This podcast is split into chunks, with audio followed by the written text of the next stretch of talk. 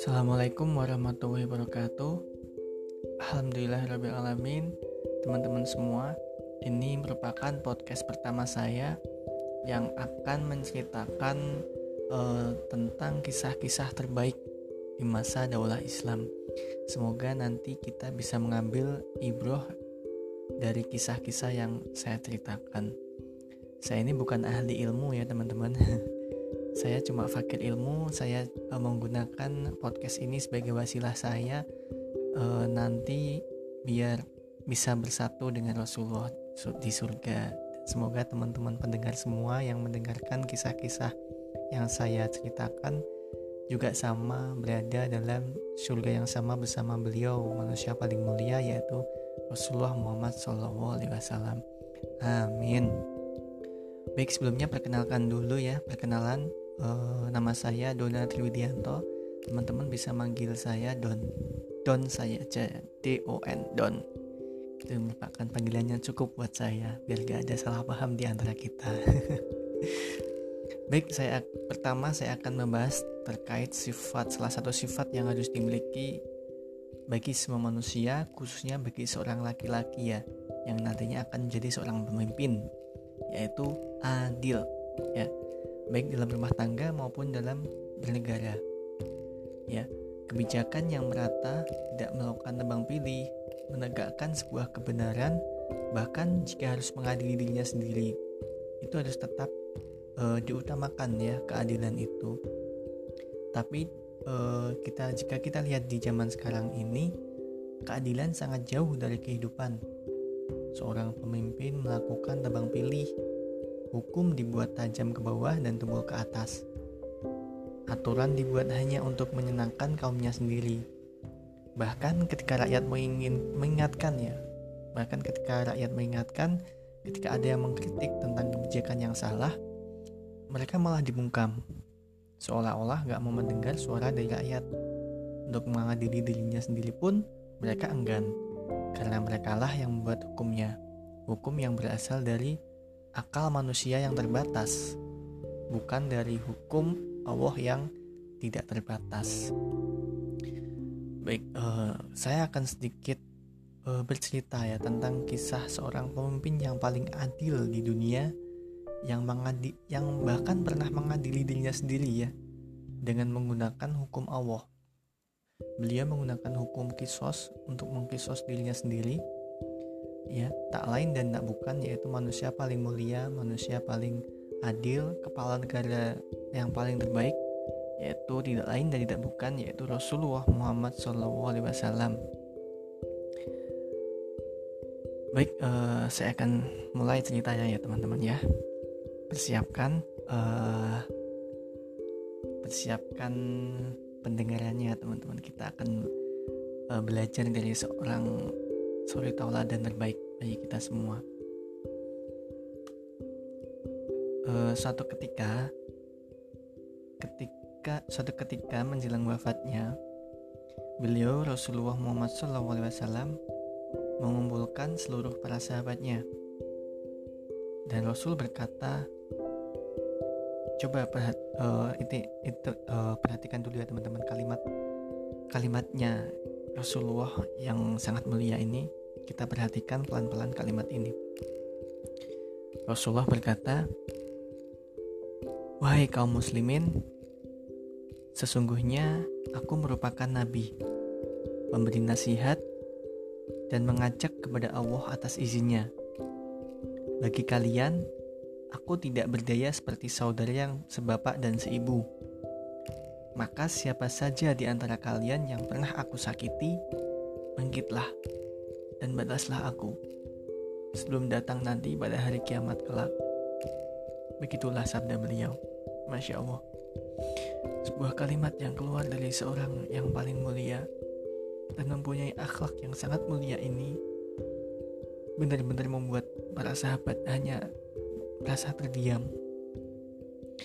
Bagaimana mungkin mereka berani untuk menegakkan kisos terhadap seorang rasul? Tapi rasul tidak menyerah dan mengulangi kalimat tersebut sampai ketiga kalinya. Dan akhirnya pun ada salah satu seorang dari sahabat yang bernama Ukasyah. Beliau menghampiri Rasulullah sambil berkata kepada Rasul, Wahai Rasulullah, jika tidak engkau imbau orang-orang tiga kali, tentu tidak ada yang berani membuatku untuk datang kepadamu. Begitulah ucapan dari Ukasyah. Lalu Rasulullah menjawab, Apa yang engkau inginkan, wahai Ukasyah? Rasulullah bertanya kepada Ukasyah. Lalu uh, sesuatu terjadi pada saat itu. Ukasyah mulai mengucapkan apa yang terjadi pada dirinya pada saat perang Badar. Beliau bercerita bahwa saat itu unta yang ditungganginya lepas kendali, bahkan mendahului unta Rasul dan membuat beliau keluar dari rombongan pasukan Muslim. Kemudian uh, ini kalimat yang diucapkan oleh Ukasya. Ketika aku turun dari untaku dan mendekat ke arah engkau, saat itulah mendadak engkau mengayunkan cambuk sehingga mengenai tubuhku. Aku tidak tahu saat itu apakah engkau bermaksud mencambukku atau unta. Tutur beliau Kasyah. Para sahabat pun mulai geram dan marah pada Ukasyah yang sangat tega menuntut kisos pada Rasul yang merupakan suri tauladan terbaik. Seketika itu Rasul mulai memahami apa yang disampaikan oleh Ukasyah. Kemudian beliau menyuruh Bilal bin Rabah untuk mengambil sebuah cambuk di rumah Fatimah, putri Nabi Shallallahu Alaihi Wasallam. Ketika Bilal sudah sampai kembali dengan cambuk, maka beliau langsung menyerahkan cambuk itu pada Ukasyah. Tetapi dihadang oleh sahabat yang paling mulia Abu Bakar As-Siddiq dan Umar bin Khattab dengan harapan agar hukum kisos tidak dilakukan kepada Rasul. Namun, ketegasan seorang Rasul membuat Abu Bakar, As-Siddiq dan Umar bin Khattab mematuhi perintahnya. Karena Rasul semata-mata tidak ingin permasalahan seperti itu menjadi urusan beliau nanti di akhirat. Orang yang kita coba bayangkan ya, orang yang paling mulia, terbebas dari dosa, dan sudah dijamin masuk surga oleh Allah taala, masih mengkhawatirkan masalah akhirat. Masih mengkhawatirkan balasan balasan nanti di akhirat. Coba kita bayangkan dan refleksikan kepada diri kita masing-masing. Apa yang kita khawatirkan selama di dunia ini? apakah hal-hal yang termasuk dalam keduniaan saja ataukah kita mengkhawatirkan hal-hal yang sampai ke akhirat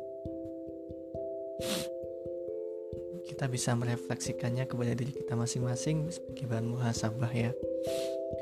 Kemudian saya lanjutkan lagi. Uh, tidak kehabisan akal ya. Para sahabat Abu Bakar dan Umar bin Khattab itu meminta Ukas Ukasyah beliau semua beliau berdua meminta Ukasyah untuk mencambuk mereka mencambuk Abu Bakar As-Siddiq dan Umar bin Khattab ya sebagai pengganti Rasul karena apa karena beliau tidak akan membiarkan Rasul merasakan sakit merasakan sakit atas cambuknya kemudian Rasul memerintahkan kepada mereka duduklah kalian Sesungguhnya Allah telah mengetahui kedudukan kalian berdua. Tutur Rasul Di waktu yang sama, beliau memerintah Ukasyah untuk segera melakukan kisos.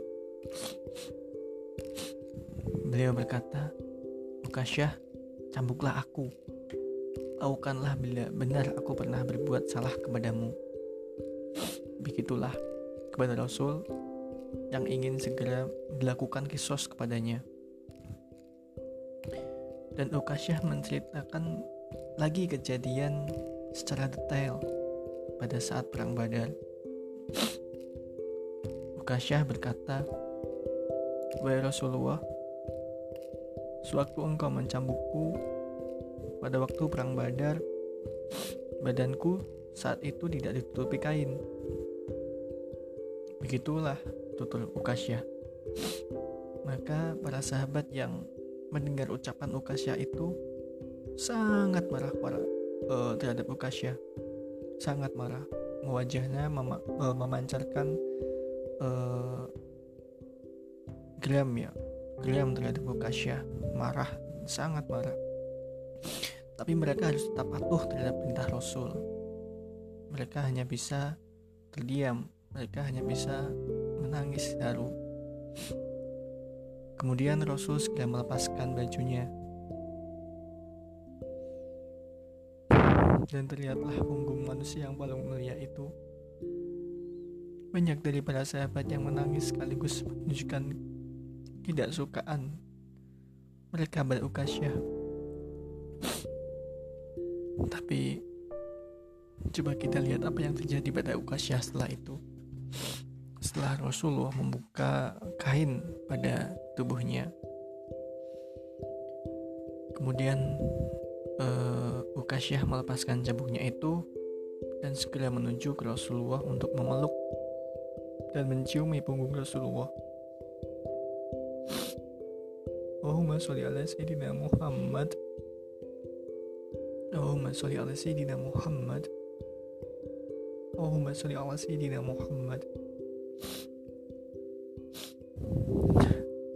Dan beliau juga berkata, Ukasyah berkata, Aku ingin memeluk engkau Rasulullah Sehingga kulitku menyentuh kulitmu.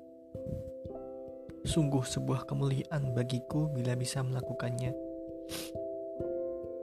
Beliau melakukannya Dia meluk, beliau memeluk Rasulullah sambil bercucuran air mata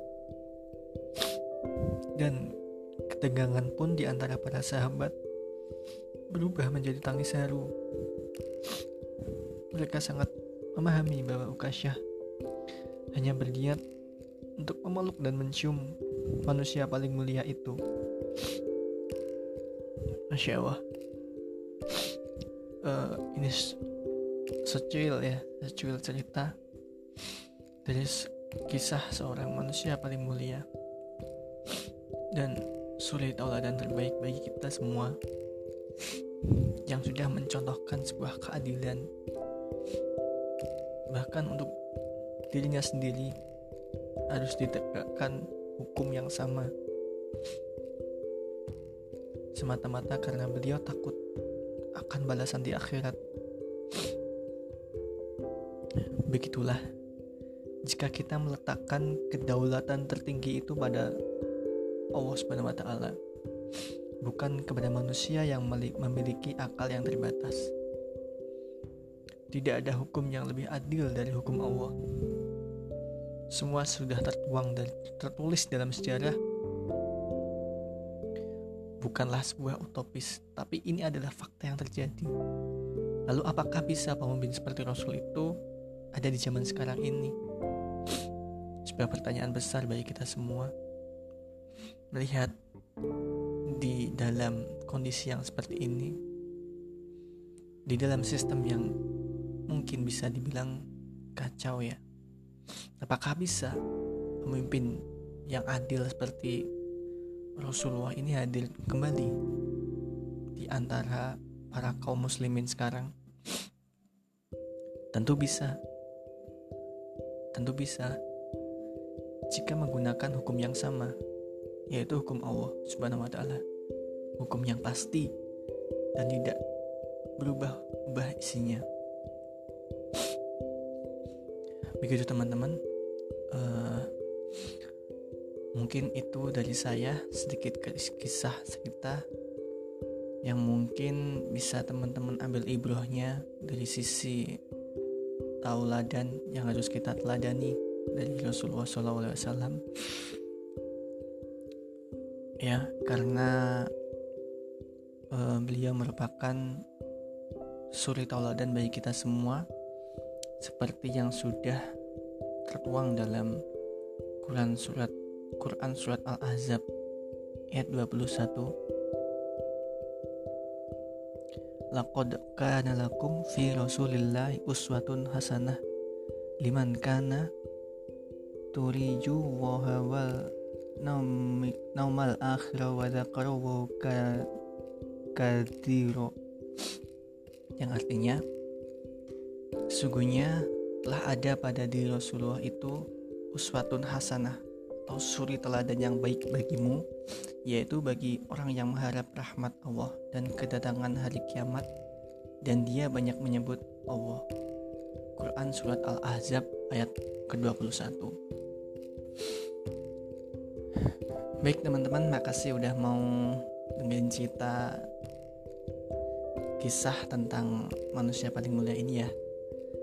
Semoga kita bisa mengambil ibroh yang dari kisah-kisah para rasul dari kisah-kisah para sahabat ya bisa eh, karena dalam sejarah dalam mempelajari sejarah akan ada kekuatan yang hadir dalam diri kita yaitu kekuatan motivasi ya kekuatan prediksi ya dan kekuatan solusi itu akan hadir dalam diri kita. Baik, uh, cukup itu dulu teman-teman dari saya. Kurang lebihnya saya mohon maaf. Uh, kelebihan hadir dari Allah Subhanahu wa taala dan kekurangan hadir dari diri saya sendiri. Wabillahi taufik wal hidayah. Wassalamualaikum warahmatullahi wabarakatuh.